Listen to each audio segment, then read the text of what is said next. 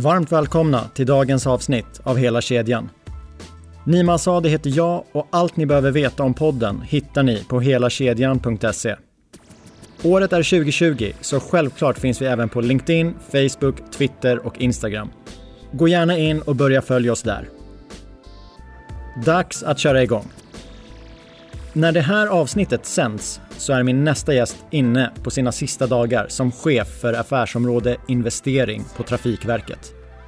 Från och med 1 oktober kommer han istället att vara programdirektör för nya stambanor och ansvara för både planering och genomförande av regeringsuppdraget som i dagsläget har en investeringsram på 205 miljarder kronor.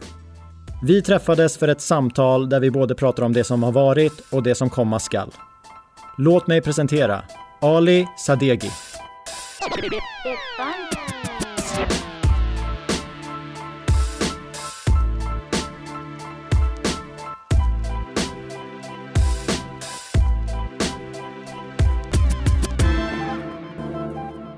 Varmt välkommen till podden Ali. Tack så mycket Nima. Vi börjar med en kort presentation. Jag heter Ali Sadeghi. Jag är chef för verksamhetsområde investering på Trafikverket. Och om vi spolar tillbaka lite, varför blev det samhällsbyggnadssektorn för dig? Oj, oj, oj. Eh, ska säga så här, det är en slump faktiskt att det blev samhällsbyggnad, eller infrastruktur och transporter skulle jag vilja säga. Jag började min karriär då på eh, Luftfartsverket Teknik, eller för Teknik som det hette på den tiden i början av eh, 2000-talet. Eh, och kom därifrån till Banverket. Anledningen till att jag hamnade på LFV Teknik det var att det fanns ett ledigt jobb, jag var färdig med mina studier, jag sökte jobb och så fick jag det. Som eh, då på den tiden som projekteringsledare. Där någonstans började min karriär. Eh, och, men intresset för transporter har alltid funnits. Jag har alltid varit fascinerad av fordon och i synnerhet flyget faktiskt ska jag säga. Även om jag idag jobbar med eh, mycket väg och järnvägsprojekt. Men transporter har alltid fascinerat mig. Vad pluggade du till? På den tiden så läste jag en, en fastighetsekonomutbildning. Eh, sen efter mina år på LFV så har jag också läst eh, byggnadsingenjör på KTH. Så jag har två examen. Eh, på något sätt också under åren lärt mig eh, väldigt mycket att jag fascineras av människor och, och, det driv jag har och det driv jag kan se av, hos människor det nyttjar jag gärna för, för att åstadkomma resultat. Och som sagt, det råkade bli anläggning, infrastruktur och samhällsbyggnad och jag trivs väldigt bra med det. Jag tänkte det för din utbildning och ditt första jobb. Det är nära besläktat men det är inte... Nej, det var inte helt naturligt faktiskt. Men, men, men, men det är klart, det hade ju bäring på fastighetssidan. Det var så det började. Och mycket kopplat till fastighetsförvaltning. Men, men eh, som sagt, det var, det var en slump och, och jag är glad för den slumpen. Kort om Trafikverket då. Hur beskriver du din arbetsgivare? Trafikverket om vi börjar som arbetsgivare tycker jag är en fantastisk arbetsgivare. Det är en, det är en modern myndighet vill jag påstå och, och, det får vi också bekräftat av väldigt många, många framförallt studenter och, och, och människor som är nya i sin yrkeskarriär. Eh, men vi är, inte, vi är inte bara en myndighet, vi är också ett, eh, eh, vi är också ett verk ett, som, som gör väldigt, väldigt stora affärer. Ungefär 50 miljarder per år har vi upphandling av verksamhet för. Där vi, där vi handlar upp av näringslivet kan man säga, stora delar av näringslivet. Vårt huvudansvar är att planera för faktiskt eh, sjöfart och luftfart, vägar och järnvägar eh, i, i Sverige. Eh, men också bygga, genomföra, drifta och underhålla det statliga väg och järnvägsnätet. Det är liksom vår grundstruktur.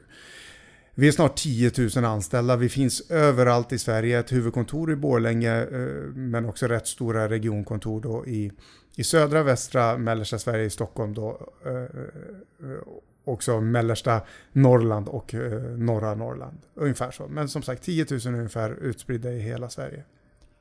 Trafikverket eh, bestod ju tidigare av Vägverket, eh, Banverket, Sjöfartsverket och, och så vidare. Den här sammanslagningen, hur har det påverkat?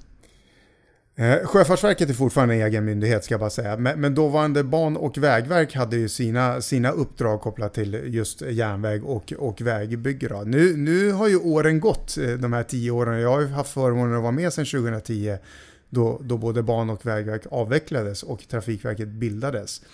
Jag har själv aldrig tänkt tillbaka och tänkt någon gång oj oj oj, undrar om det där var rätt. Jag tycker det här är 100% rätt. Det är så naturligt rätt just för Eh, vilket bekräftas att jag aldrig har tänkt tanken.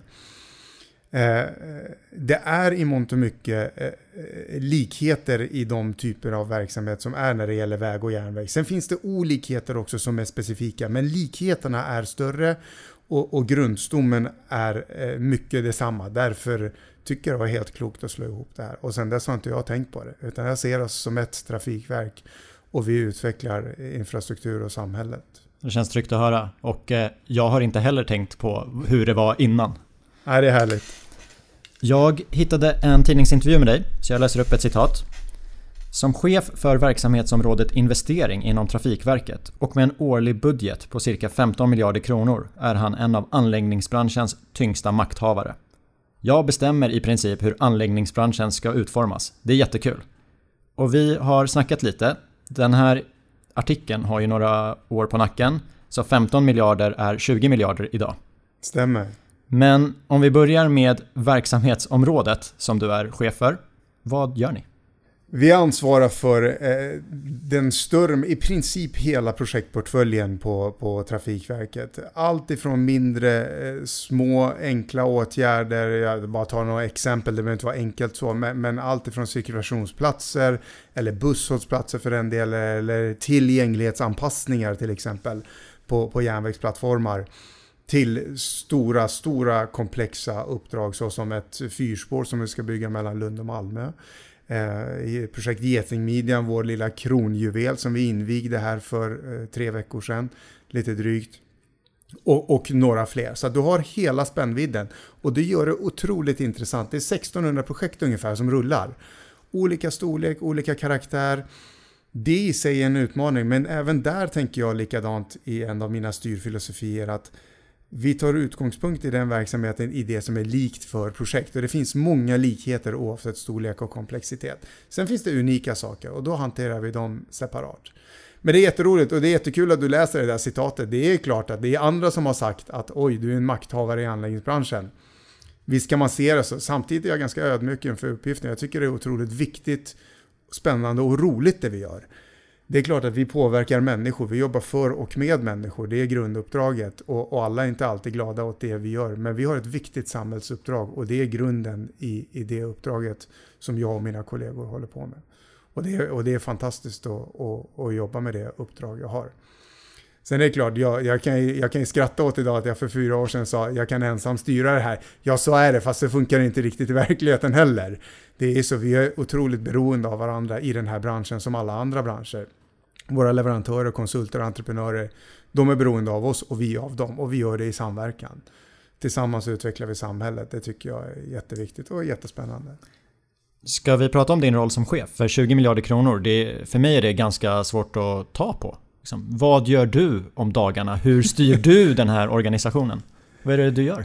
Nej, men eh, det väldigt enkla svaret på det är att jag sitter väldigt mycket i möten, men, men möten är viktigt. Jag har lärt mig också i min yrkeskarriär, men också i mitt liv i allmänhet, att man ska aldrig underskatta ett samtal. Jag ser nästan alltid möten som en utgångspunkt som ett samtal. Jag tycker det är viktigt att till exempel ha en agenda till möten, men du behöver inte alltid ha en agenda heller, för ett samtal kan man komma långt på. Så mycket av min tid går åt samtal och möten. Och i det handlar det om att ställa rätt typ av frågor och, och förhoppningsvis få de svar jag vill. Och det menar jag är grunden till styr och, styrning och uppföljning. Sen finns det en massa kvalitet som, kvaliteter som vi människor ska ha som chefer också. Men att styra och följa upp en verksamhet oaktat om det är 2 miljarder eller 20 miljarder, det är jättemycket pengar. Det handlar om att ha koll på hur går det för oss, vad är det vi behöver åtgärda för att det ska gå ännu bättre. Och, och där blir möten och samtal otroligt viktigt. Och där människorna är avgörande. Sen skräms jag inte av pengarna. Jag har respekt för pengar. Jag, jag, tycker det är viktigt att man inte håller på att vifta bort miljarder eller några hundra miljoner i sammanhanget för det kan tyckas lite. Det är otroligt mycket pengar. Jag har respekt för det. Men jag skräms inte heller av, av, av storleken på pengar för då tror jag inte jag skulle kunna göra jobbet bra. Utan det handlar väldigt mycket om att ha koll och kontroll på läget. Du nämnde Getingmidjan och jag läste i tidningen att det är ett projekt på strax över 3 miljarder. Du har ju även medarbetare som arbetar med mindre projekt. Hur skulle du beskriva ledarrollen så att alla medarbetare får uppmärksamhet? Ja, men det är klart att det kan, det kan på ett sätt vara utmanande. Å andra sidan tycker jag viktigast för mig själv, det är ju att vara mig själv. Alltså jag har mitt driv. Jag, jag driver en verksamhet. Jag, jag, min ambition är alltid visa vägen, förklara vad vi ska göra, vart vi, vart vi vill och hur vi ska åstadkomma det. Det är också, och, och det dessutom att leva som jag lär, det menar jag är en grund för, för att liksom få en verksamhet att följa med och göra jobbet. Där blir storleken på projekt igen, det finns så mycket likheter mellan projekt, det är egentligen, storleken är egentligen sekundär. Men om du tar ett projekt som Getingmidjan som innehåller så otroligt mycket svårigheter och, och, och en annan dimension av komplexitet. Ja, men det kräver noggrannare metodik när man genomför saker. Det kräver noggrannare riskanalyser. Det kräver flera alternativplaner ska jag säga. Jag har aldrig varit med om att vi har plan, förutom A då, har vi B, C, D, E och touchat F. Och det menar jag är viktigt. Det behöver man inte ha för alla projekt, men för det projektet behöver man ha det.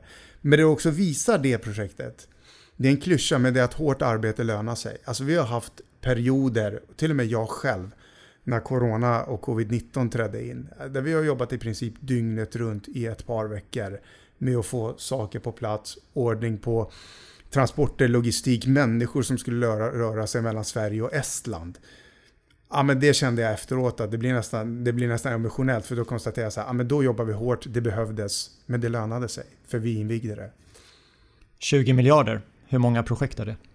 Vi har idag 1600, sist ska jag kolla, 1612 projekt som rullar. Alla är inte byggskede. Många är också i planering och, och, och projekteringsskede. Men, men 1600 lite drygt projekt som rullar. Hur har eh, coronapandemin påverkat den dagliga verksamheten i din organisation? Alltså, om jag... Det känns nästan fantastiskt att sitta här, kunna sitta här och säga ett halvår senare efter att det bröt ut och var ett otroligt osäkert läge att framdriften i vår projektverksamhet är oberörd. Det är nästan så att vi har lyckats producera något över förväntan när det gäller några projekt. För att vi har liksom samlat oss med kraft och tagit ännu mer ansvar. Vi har alltid tagit ansvar, men, tagit ännu mer ansvar för att klara jobbet. Och då har det visat sig att vi kan göra det ännu snabbare utan att det är på bekostnad av noggrannheten. Eh, det är klart att vi har ju många medarbetare idag som jobbar hemma. Det är en stor förändring för, för deras och vår vardag. Och, och, så ska det vara ett tag till framöver. Men om vi tittar total leveransmässigt och, och resultatmässigt så har vi verkligen gjort ett enormt jobb. Jag är imponerad över verksamheten, Trafikverket generellt och investering i synnerhet. Ehm, så det känns bra. Men jag ska säga så här, under mars månad i början av läget när det var otroligt osäkert exakt vad det var vi hade att göra med, hur rörligt det var. Vi pratade öppna stängda gränser, alltså i, i, i Sverige. Ja, då var det, det var en tuff period. Det var ju dygnet runt. Vi jobbade sju dagar i veckan. Vi hade timmes avstämningar på ledningsnivå. Måndag till söndag under några veckor innan vi liksom hittade någon sorts stabilt läge i en extraordinär situation. Så, och det var det värt ska jag säga. För det gör att vi idag kan i princip jobba på obehindrat. Vi jobbar mycket hemifrån. Och det har sina utmaningar. Det kräver att vi har koll på våra medarbetare så att de liksom har en dräglig och, och schysst fungerande arbetsmiljö.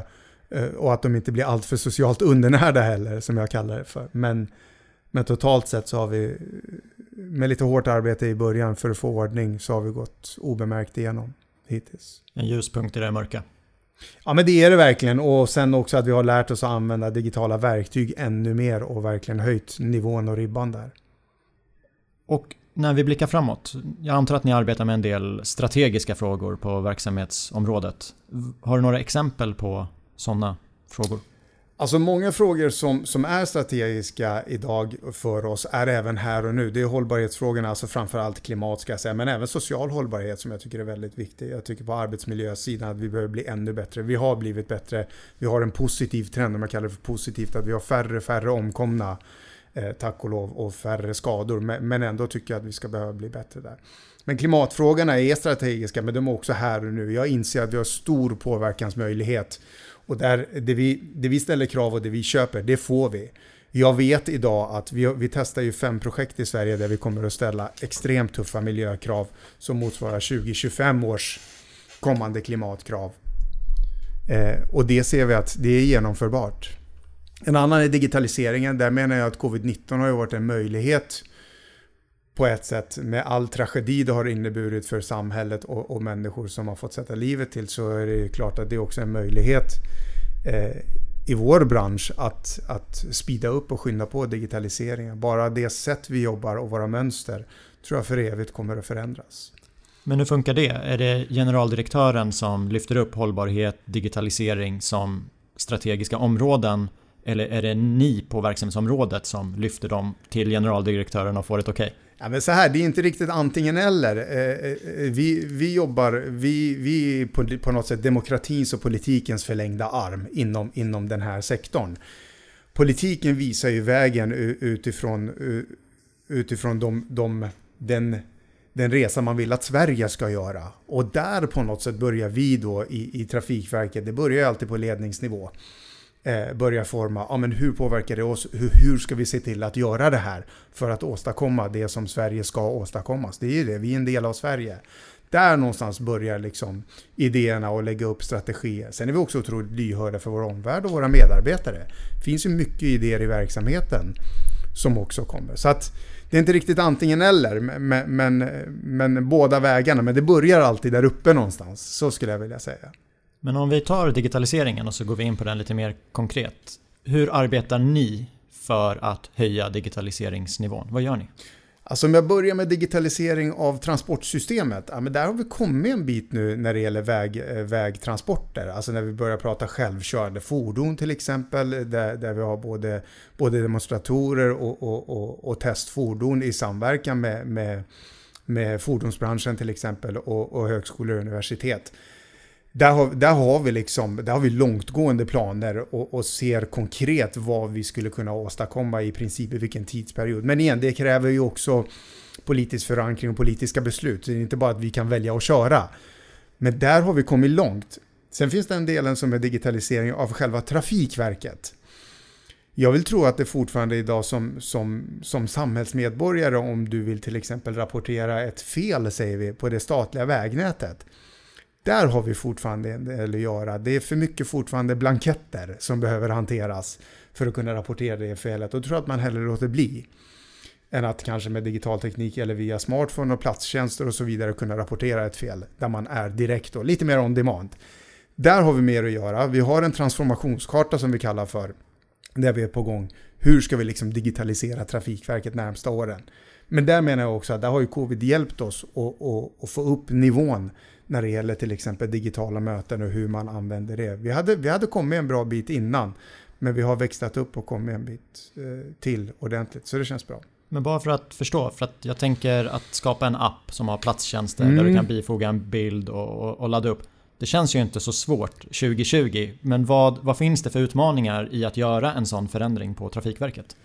Nej, men det finns flera utmaningar. Jag håller med dig. Egentligen är det enkelt. Det som är eh, eh, information idag och information om information, alltså data, det är ju egentligen kärnan i, i all digitalisering. Och den tycker jag, där har vi ett samhällsansvar. Vi kan inte riktigt ha all data öppen till exempel. Och när det gäller informationssäkerhet så har vi andra krav på oss och lagstiftningen faktiskt att förhålla oss till. Det gör att det kan upplevas som kanske lite krångligare, lite mer tidskrävande ibland. Men vi är på frågorna. Men vi kan inte riktigt bara heller producera en app och bara säga så här, nu kör vi. Men vi är på det där och, och inser liksom att ja, men vi behöver göra den resan. Men den kommer vara lite krångligare och ta lite längre tid. Men vi har andra krav på oss och det ska vi ha, ska jag vara noga med att säga. Och då är det viktigt att informationen hanteras rätt. Om vi tar samma frågor för hållbarhet, för där nämnde du också att vi ska klimatkompensera, det ska vara klimat... Eh, vi ställer klimatkrav gör vi i våra upphandlingar. Vad innebär de? Oj, oj, oj, det är allt ifrån vilka fordon som används till exempel ute på ett bygge och deras utsläpp till faktiskt producentansvar och, och, och kemikalier och så vidare och vilken impact man har på klimatet under hela tekniska livslängden. Så en enorm spännvidd är det. Men, men de klimatkraven vi ställer, vi konstaterar att de krav vi ställer, de, de, de svaras upp mot och de leveranserna får vi. Så där menar jag att vi kommer att eskalera upp våra klimatkrav eh, så att de också eh, på något sätt lirar med Agenda 2030 eh, och att de blir skarpare och skarpare. Så att eh, det är en tuff resa vi har där, men vi har också stor påverkansmöjlighet. I sammanhanget ska jag bara nämna också att vi har ett färjerederi. Där jobbar man väldigt, väldigt mycket med klimatomställning med linfärjor, batterifärjor, HVO-diesel och så vidare. och så vidare. Men, men små, små åtgärder som tillsammans kommer ge stora effekter. Det är så, eh, det är så vi jobbar. Men det är intressant att höra för jag antar att ni även ställer digitaliseringskrav i upphandlingarna. Hur har hållbarhet och digitalisering, hur har det mottagits av de som lämnar in anbud? När det gäller, ja men det mottas väl ska jag säga. Jag uppfattar att vi har en väldigt ambitiös eh, leverantörskår både på konsultsidan och, eh, och på entreprenadsidan. Och de vill otroligt mycket. De jag är otroligt nöjd generellt sett med hur det presteras eh, och vilka framåttankar de har. De delar med sig av sina tankar också och, och berättar för oss hur vi skulle kunna styra våra upphandlingar mer för att göra omställningen snabbare. Eh, på digitaliseringssidan så får vi också inspelet och, och, och återkopplingen att ja, men vi skulle kunna göra mer. Eh, ja, det finns en hel del mer att göra när det gäller information och, och, och, digital information. Nu pratar vi om en digital tvilling till exempel, att den fysiska anläggningen ska ha en digital tvilling. Så det kommer ju bli ett viktigt steg då för våra till exempel konsulter för att hjälpa oss med. Men vi har kommit jag vill inte sätta dem mot varandra. De är, också, de är både beroende av varandra och jag menar att digitaliseringen kommer också hjälpa klimatfrågan. Men vi har kommit lite längre på klimatsidan än vi har gjort på digitaliseringssidan. Det här med att ni kan göra mer, kommer det från entreprenörerna eller är det andra i branschen som tycker att ni kan göra mer inom digitalisering?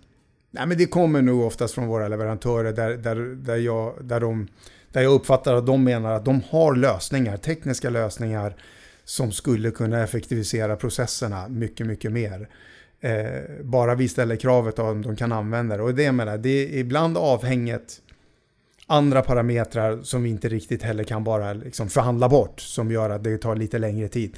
Sen är det en kulturell fråga också. Där blir ju sådana som jag och mina kollegor otroligt viktiga i, i vårt synsätt och, och, och att leva som vi lär och inte bara prata. Vi blir viktiga. Det är en kulturell fråga också att ja, men vi kanske har gjort på ett visst sätt i alla år. Och då är det svårt att ändra på det. Där behöver vi chefer vara vakna och göra den, den förflyttningen ännu snabbare och driva på den.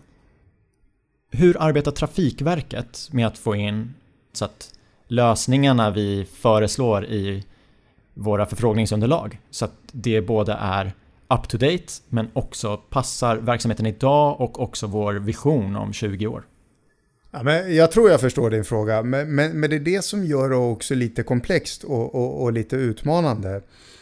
Alltså igen, jag vet ju att det idag finns lösningar som vi skulle kunna använda och där menar jag blir en, en, en kulturell fråga och kanske ändra i våra regelverk. Det är, det är ju så, som en myndighet så är regelverk vår grundstomme, det är det vi bygger demokratin på, den är jätteviktig. Men där behöver regelverket kanske vara ännu mer dynamiska och, och på något sätt lätt eh, vad ska jag säga då, lätt, lätt bearbetade och kunna vara mer eh, lättare att förflytta med tiden. I och med att utvecklingen, utvecklingen i branschen går ju snabbare än vad våra regelverk hänger med. Den behöver vi jobba med ännu skarpare och ännu snabbare för att liksom få, få det glappet att minska. Det glappet menar jag, tror jag är inbyggd i din fråga att Ja, men den behöver vi jobba med. Vi behöver minska det glappet. Sen igen, det finns saker vi inte kan göra avkall på. Det spelar ingen roll vilka tekniska lösningar det finns. Vi kan inte använda det för det finns, det finns andra saker i det, i liksom, i, i det statliga eh, på något sätt förhållningssättet vi skulle åsidosätta och det får vi aldrig göra. Alltså legalitet kommer alltid före effektivitet. Krasst sett så är det så. Men vi ska vara effektiva också. Så att den, den dynamiken gör det lite svårhanterligt. Å andra sidan gör det väldigt roligt att jobba med det. Hade det varit lätt så hade inte sådana som jag behövts. Nej, det kanske, kanske är så. Du nämnde samverkan och då är jag intresserad av att höra vad, vad är samverkan för dig? Samverkan för mig handlar väldigt mycket om att, att eh, vi är beroende av varandra, inse att vi är beroende av varandra och också samtalet som jag var inne på och, och, faktiskt våga prata om det som både funkar bra och inte funkar bra. Med det löser man det mesta vill jag påstå. Det är samverkan för mig i dess, i dess grundaste lag. Alltså, det är inget jag behöver kontraktera. Det är inget jag behöver liksom betala för. Utan finns det där, då lirar det bara. Det är en relation. En relation vilken som är beroende av samverkan. Och då är det just det här med kommunikation och tydlighet i kommunikationen. Prata om det som funkar och prata om det som inte funkar. Och allt däremellan. Det är inte så digitalt heller. Men samtalet är viktigt och det är grunden för samverkan tycker jag. Intressant, så att det inte är beroende av varandra. Min bild är ju att du kan skriva in samverkan i ett kontrakt mm. men det behöver inte leda till att det blir samverkan. Mm. Eh, men om du inte skriver in det i kontraktet, då har du på något sätt lite sämre förutsättningar från start att få till samverkan. Eller så har du inte det, eftersom det bara finns där och människor inser att det är ett jobb vi ska göra här tillsammans. Låt oss göra det tillsammans. Då tänker jag så här, det behöver inte vara så. Det är lätt att fästa sig vid förutsättningar och kontraktsförutsättningar.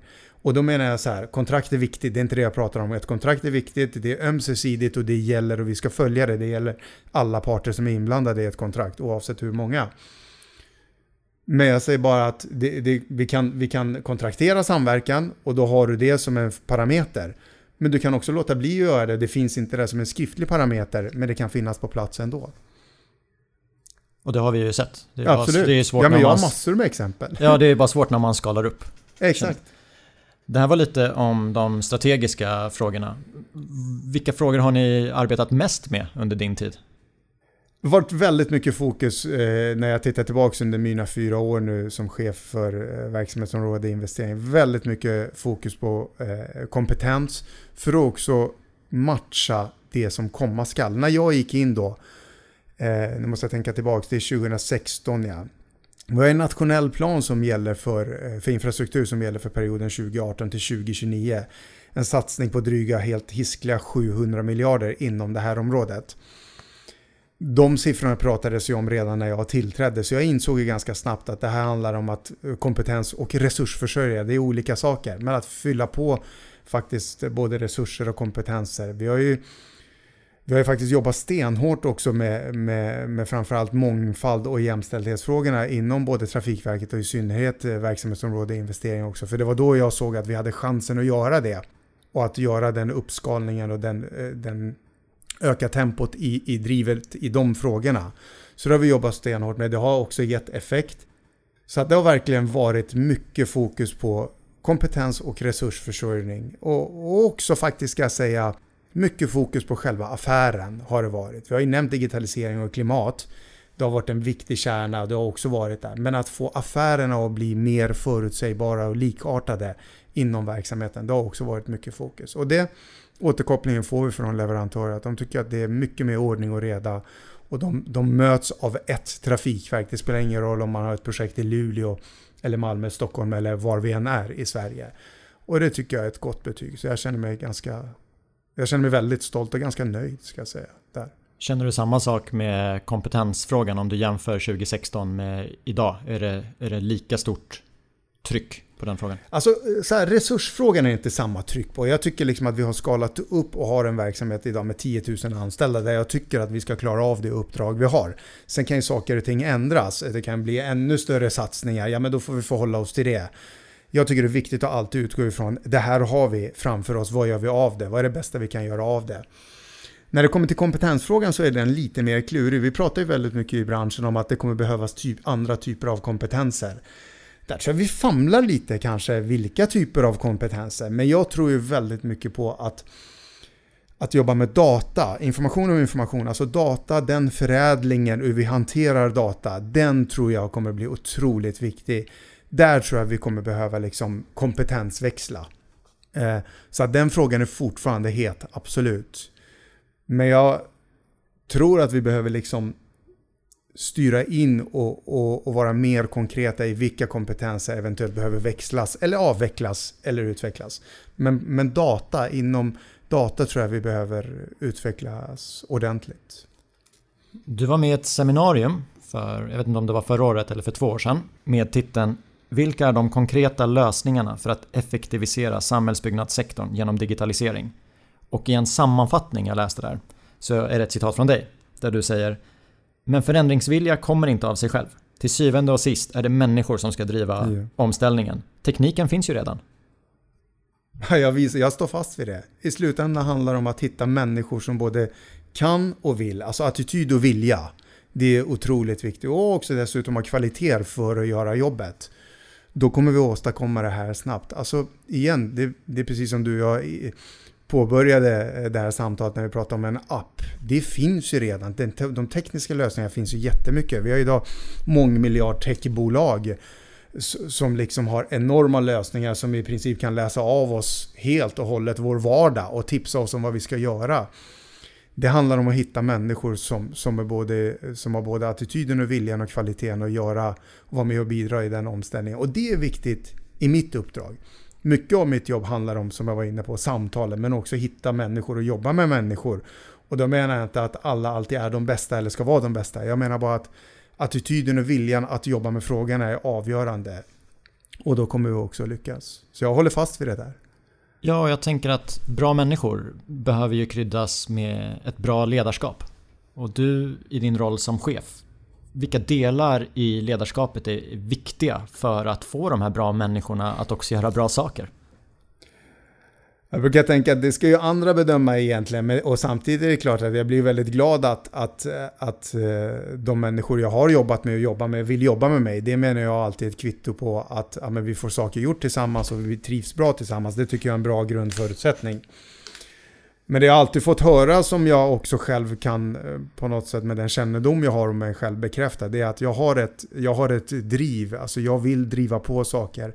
Jag vill åstadkomma saker. Jag har en jag har en tydlighet som jag tror är viktig både i mitt språk men också i mina krav och förväntningar på människor runt omkring mig på en verksamhet. Och, och i den tydligheten sortera också vad som jag anser går att åstadkomma och ska göras. Eller tvärtom, eller där mittemellan.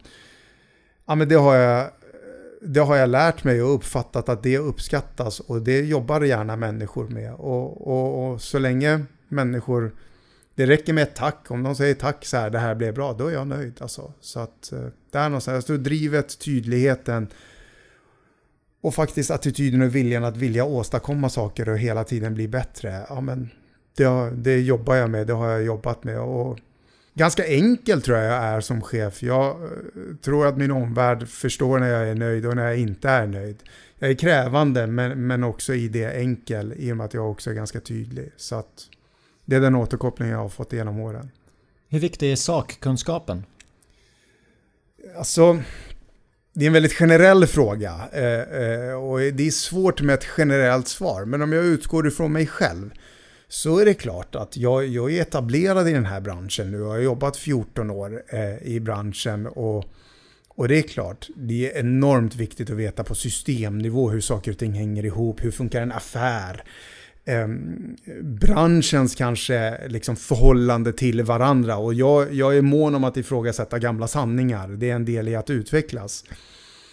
Men det är klart att det är en fördel, det är en fördel eh, att ha funnits i branschen och ha den rutinen och erfarenheten eh, på systemnivå hur saker och ting hänger ihop och funkar. Eh, det är klart det är.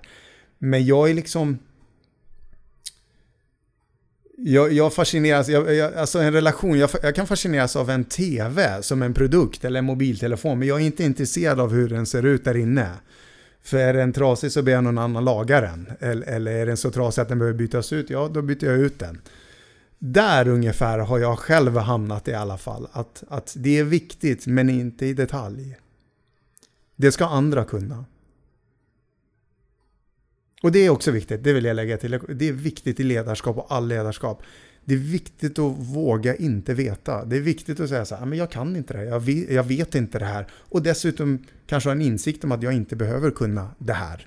Om du lagar en mobiltelefon till exempel. För det menar jag, det finns ju andra som är skickliga på. Ja. När vi träffas idag så är du chef för verksamhetsområde investering. Och det är du i några dagar till. Men du har fått en ny roll. Kan du berätta, vad är det du ska göra? Ja, nej, men jättekul att du frågar. Jo, jag kommer från första oktober då bli eh, programdirektör för det som heter Nya stambanor i Trafikverket. Det vi gör konkret efter, efter en eh, gedigen utredning det är att vi bryter ut tre pågående järnvägsprojekt då, som är idag i alla fall grunden för framtida stambanor i Sverige mellan Stockholm, Göteborg och Stockholm-Malmö. Och de projekten är Ostlänken som är mellan Järna och Linköping. Eh, är Göteborg-Borås och Lund-Hässleholm. man kan ju säga att de är, liksom, de är öar i framtida stambanor där vi ska åka, där vi ska åka förhoppningsvis ännu lite snabbare med kortare restider eh, mellan Stockholm, Göteborg och Stockholm, Malmö. Som det är planerat idag eh, via Jönköping.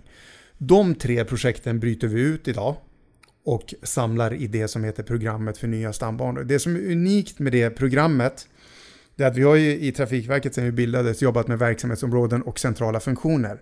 Men nu inrättar vi också ett program. Det som, är, det som är unikt med det och otroligt spännande och utmanande ska jag säga i programmet är att vi ansvarar för både planering, genomförande och förutsättningar för framtida drift och underhåll för nya stambanor i Sverige. Det är unikt. Annars är det så i Trafikverket att vi har ett verksamhetsområde som ansvarar för planering. Två som ansvarar för genomförande, investering och stora projekt. Och två som ansvarar för drift och underhåll. Men här blir det samlat planering, genomförande och förutsättningar för framtida drift och underhåll. Det gör det unikt, det gör det otroligt spännande.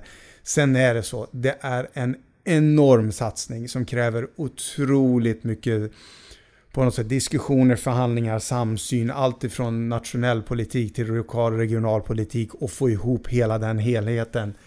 Det gör frågan extremt hett, utmanande och också väldigt, väldigt spännande och roligt. Ja, jag har redan antecknat ner några frågor. Men om vi backar tillbaka. För stambanor, det är självklart för dig som är på Trafikverket. Ja. Vad är en stambana? Ja, vi har ju idag två stambanor som heter Södra, nej vi har ju fler ska jag säga, vi har ju norra också och, och, och jag kanske glömmer, men, men södra västra stambanan, om vi tittar i alla fall Stockholm och söder och västerut har vi idag stambanor som byggdes för drygt 150 år sedan. Med stambanor, ja det är en jättebra fråga. Det är också en sån här gammal sanning. Det heter stambanor för att det, det, är, liksom, det är en stam kan man säga i, i systemet. Det är verkligen eh, roten, kärnan i järnvägssystemet. Det knyter också ihop våra tre storstäder, alltså Stockholm, Göteborg och Stockholm, Malmö. Så som vår demografi ser ut idag. Så det är därifrån det kommer. Det, det vi ser idag med, med, den ökade efterfrågan som finns av transportsystemet, järnväg i synnerhet kopplat också till klimatomställning, ökade krav på både punktlighet och robusthet så ser vi ändå att det finns ett behov av en utbyggnad. Och det är det politiken uppdrar oss nu att, uh, att göra. Och det är, så, det är så stora frågor så det kommer vara väldigt dynamiskt, det kommer vara förutsättningar som förändras. Just nu håller vi på uh, på uppdrag av regeringen då har ett regeringsuppdrag där vi utreder och ser ja, men hur ska man kunna bygga ut det här systemet och nya mellan Stockholm, Göteborg, Stockholm, Malmö på ett kost, med ett kostnadstak på 205 miljarder. Ja, men det är massor med förpliktelser kring det och det jobbar vi stenhårt med nu då. Så att, eh, men, det, men det är verkligen knyta ihop storstäderna i, i, i Sverige. Det är en ordentlig satsning för att få ökad både punktlighet, robusthet eh, och kortare restider. Det är det det handlar om. Men det är en trädmetafor, att det går en stam mellan Stockholm och Göteborg Ja, det var något jag kom på själv nu, men jag tänker så här, jag får väl kolla in, jag får väl kolla upp det här. Vi har alltid sagt stambanor, så jag får väl, jag får väl googla sen när du och jag, när vi är klara. Men är det något att man kan åka snabbare på en snabb stambana kontra annan järnväg? Ja, men vi gör ju det idag. Vi, vi, har, ju, vi har ju till exempel vi har ju några operatörer som åker upp till 200 km i timmen idag eh, på våra befintliga västra och södra stambanor. Eh, de framtida kommer ju vara dimensionerade eh, för minst i alla fall 250 km i timmen och det är klassat som höghastighet. Så att, så att, eh, och det, det är en förutsättning för att också bidra till kortare restider. Du nämnde några städer när du pratade om utbyggnaden. V vad innebär det? Är det nya stationer också eller är det bara att vi leder om rälsen? Ja, nej men så här eh, igen då. Det här är en enorm, eh, enormt uppdrag. Det är en enorm utmaning med allt vad det innebär med dragningar, stationsläger eh, och så vidare. Det finns ju olika lokaliseringar kan man säga som genom åren har utretts, tittats på. Det finns ett antal uppslag var det ska finnas stationer till exempel. Och, och, och, där vi har beslutat att jobba vidare, ja men då gör vi det. Och så kommer det vara andra som kommer vara föremål för fortsatta utredningar, förhandlingar och så vidare. Men, men vi är liksom inte framme i de frågorna eh, ännu. Det, det, vi vet i alla fall att utgångspunkten är att vi ska knyta ihop Stockholm, Göteborg och Stockholm, Malmö.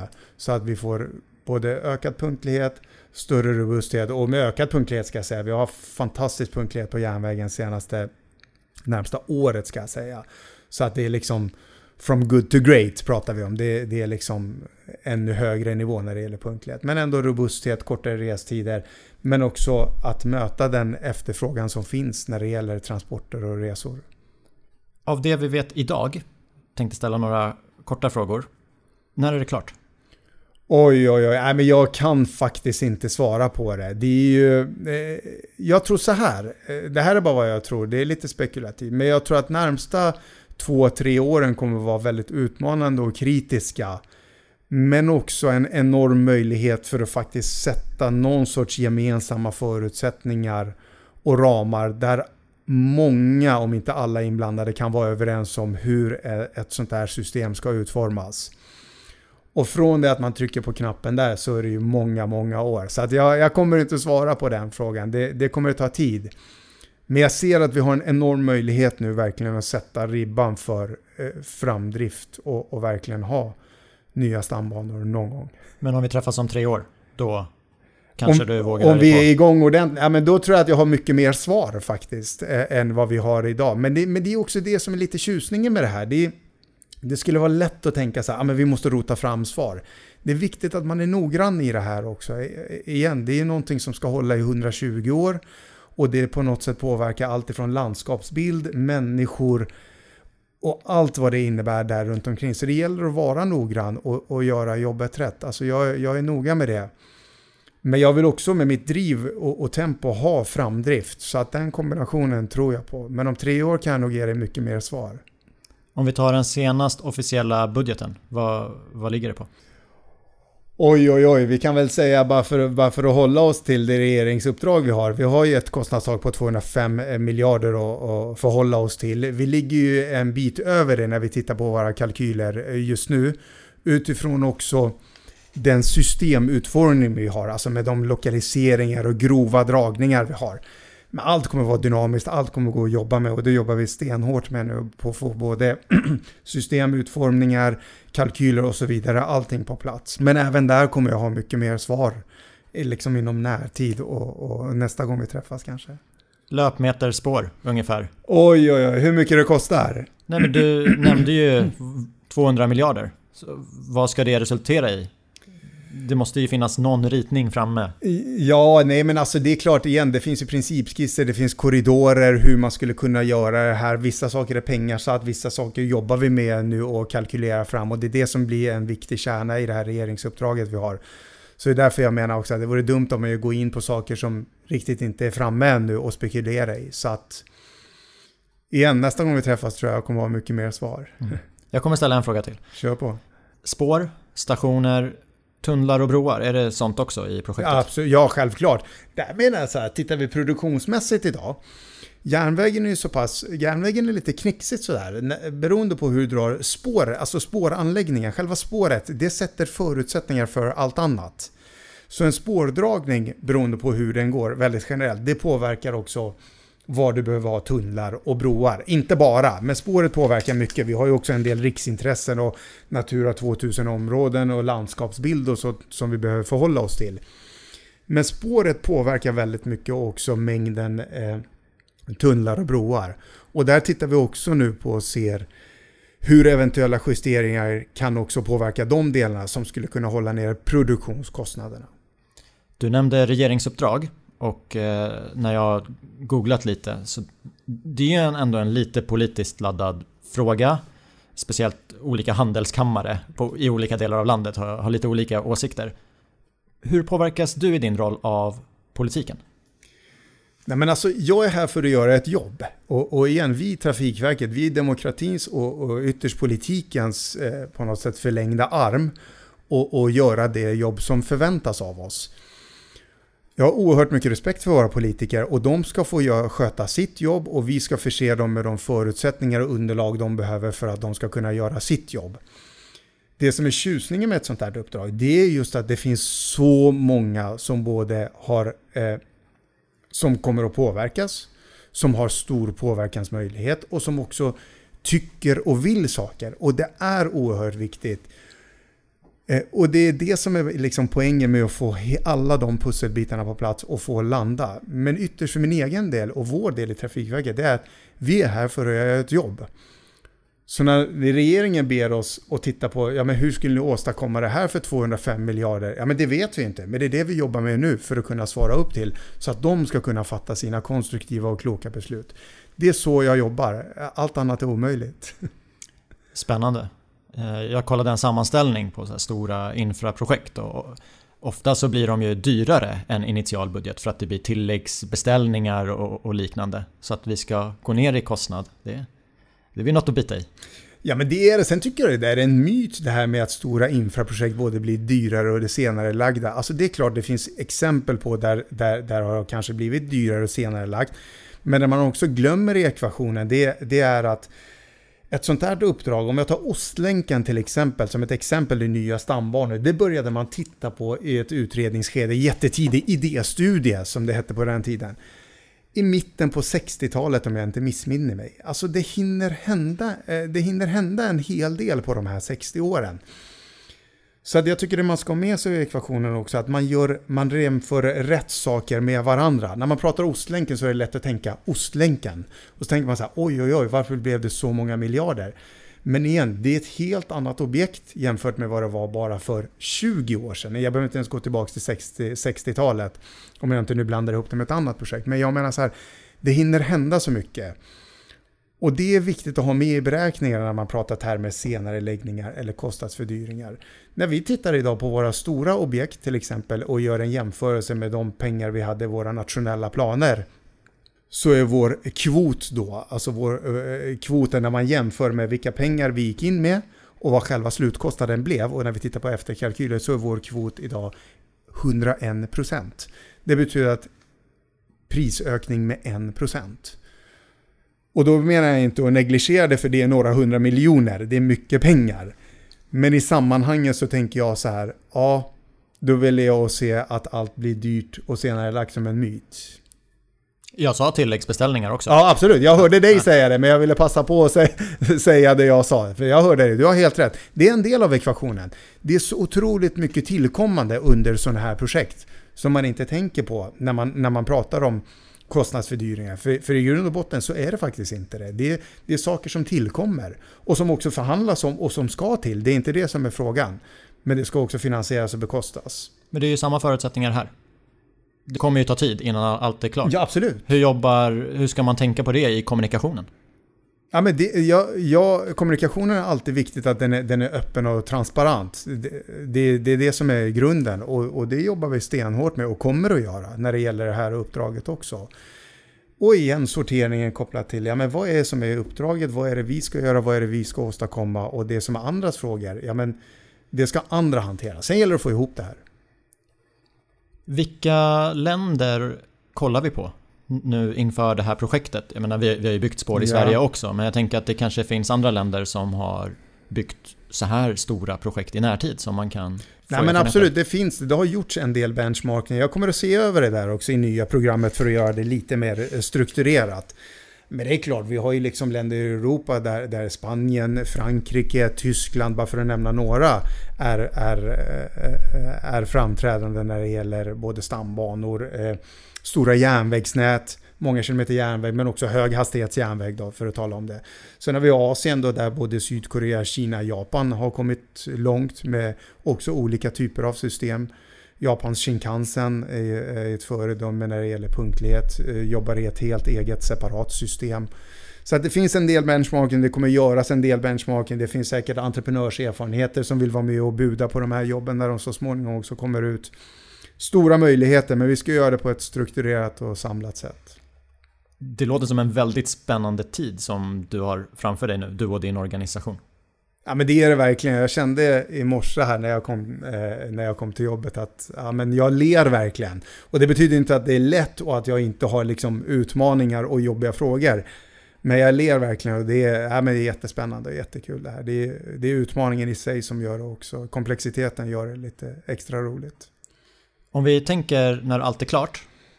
Vad kommer det innebära för Sverige? Du nämnde lite kortare restid, men Trafikverket, jag antar att ni kollar lite större. Vad, vad kommer det här innebära? Nej, men det här kommer ju påverka, det kommer ju påverka samhället eh, på ett, på ett positivt sätt menar jag. Både när det gäller mobilitet, distansarbete, eh, privatliv men, men också pendling vill jag tro. Hur, hur man både studerar, arbetar och, och, och, och liksom jag tror kommer att göra Sverige ännu mer slagkraftigt eh, faktiskt. Och, och, och, också utifrån globalisering och ett Europaperspektiv, alltså knyta ihop Europa ännu närmare Sverige. Så att det är en enorm satsning, en viktig satsning tycker jag och, och, och helt rätt i tiden också att satsa på det här. Något jag ofta har läst när, när jag har läst om tåg är ju Tåg är eldrivna och körs fossilfritt. Men så tänker jag så här, nu är det 2020 Bilflottan börjar bli mer elektrifierad. Eh, det är snack om självkörande bilar. En självkörande bil som kan köra mig mellan Stockholm och Göteborg. Det är också miljövänligt på ett sätt. Hur, hur tänker du när du tänker framtidsperspektivet? Självkörande bilar som transporterar oss kontra spår. Kommer tåg vara så mycket bättre? Nej, men jag vill inte ställa dem i förhållande till varandra och jämföra dem så. För jag, jag gör liksom inte en antingen eller fråga av det. Det är bara att konstatera eh, att, att i Sverige befolkningsmängden har ökat med, med i princip 25 procent senaste 20-25 åren ungefär. Det har gått från dryga 8 miljoner till 10 miljoner. Det menar jag innebär en ökad efterfrågan på en massa saker, alltså samhällskritiska viktiga funktioner. Transportsystemet är en del av det. Digitalisering av fordonsflotta, automatisering av fordonsflotta och vägtransportsystemet. Det menar jag är en förutsättning att förutom att bygga nytt klara av att hantera eh, den liksom, de krav som finns på transportsystemet med den befolkningsmängd vi har och den ökade befolkningsmängd vi antagligen har. Så det är liksom en förutsättning. Samma med järnvägen. Så det finns liksom ingen antingen eller. Och de är båda också en förutsättning för att klara av klimatomställningen. Så att alla transportslag behövs, det är jag helt övertygad om. Sen gäller det liksom att jobba med det vi har, men också bygga ut. Det är väl det som är också eh, eh, utmaningen. Men att behovet finns, det är en icke-fråga anser jag. Jag tar stambanan till en station och därifrån kan jag ta en eldriven buss eller bil till närmare min Ja, dessutom kanske din telefon har redan talat om för dig exakt hur du ska gå och vad som väntar på dig och så vidare. Det finns ju i princip redan sådana tjänster idag. Sen tror jag mycket i, i storstäder i, i primärt men också eh, på längre sikt i, i mindre städer och så där med mikromobilitet. Eh, jag tänker på tjänster som Uber Bolt bara för att nämna eh, några, både, både mikro men också samåkningstjänster. Vi har ju många fordonsflottor idag som har samåkningsfunktioner eller liksom hyrbil on demand om jag kallar det för. Eh, men också elskotrar nu då, som, som mikromobilitetsverktyg. Eh, jag tror att det kommer säkert också mer och mer. Men, men igen, efter, så länge efterfrågan och behovet finns så är det liksom inte heller en antingen eller fråga. Uber gick ut med det för några dagar sedan att hela deras fordonsflotta ska vara elektrifierad. Om okay. 20 år tror jag. Ja, det var nytt för mig men ja. det, det låter rimligt. En till eh, rubrik. Nya stambanor ska bli billigare. Januaripartierna är till slut överens, men byggkostnaden måste ner. Du har varit inne på att dragningen, det spelar ju såklart roll för slutkostnaden. Vad, vad har du och Trafikverket mer för verktyg för att ja. få ner byggkostnaden? Ja, först ska jag bara säga, det här uttal, uttalandet, det är ett politiskt uttalande. Så, så jag menar så här, vi förhåller oss till det, men det är ett politiskt uttalande. Eh, eh, och, och, på tal om kostnaderna, själva systemutformning, dragningen, det, det är liksom, jag ser det som det primära, verkligen. Det är, det är avgörande för det påverkar så mycket annat. Men det finns en hel del både i våra egna byggherrekostnader som det fortfarande heter, vi, alltså våra egna administrationskostnader. Jag tror att de går att påverka neråt, eh, i alla fall en liten del, men, men i, sammanhanget, eh, i sammanhanget en liten del, men ändå mycket pengar. Men igen då utifrån systemutformning så tror jag faktiskt också beroende på hur vi eh, i slutändan väljer att dra själva spåranläggningen kommer att kunna påverka mängden broar och tunnlar. Men också industrialiserat eh, tänkande redan i planeringsskede när det gäller till exempel broar och tunnlar. Bara lite idéer utan att gå in på detaljer för jag varken kan eller vill. Eh, så att vi har, vi har lite uppslag. Eh, vi har, några saker finns det, men systemutformningen är ändå det som är största faktorn och, och kostnadsavgörande påverkande. Det blir också någonting till vårt samtal 2023. Ja, men absolut. Jag läste på ganska mycket om stambanorna eftersom att min grundkunskap eh, inte var så hög. Eh, och då hittade jag det här citatet. De nya stambanorna är samhällsekonomiskt olönsamma enligt Trafikverkets kalkyler. Va, vad menas med det? Eh, ingen aning. Jag vet faktiskt inte vem som har sagt det och, och vilka kalkyler de bygger det på. Då, då lämnar jag det outtalat. En fråga som jag hoppas vi kan ta här och nu och inte vänta tre år med. Det är att jag, jag läste en rapport och jag ska citera ett stycke ur den. Mm. Kompetensförsörjning är en utmaning när nya stambanor ska byggas.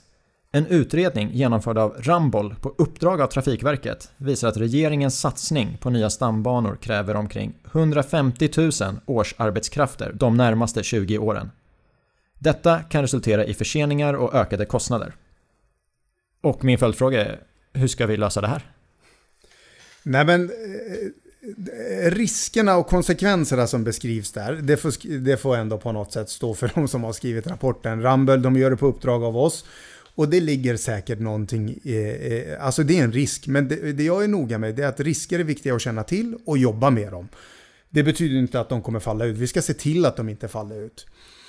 150 000 årsarbetskrafter, oavsett om det blir exakt så eller några 10 000 mer eller mindre. Eh, eh, oavsett så är det enorm summa människor som kommer behöva verkligen vara med och jobba med de här uppdragen.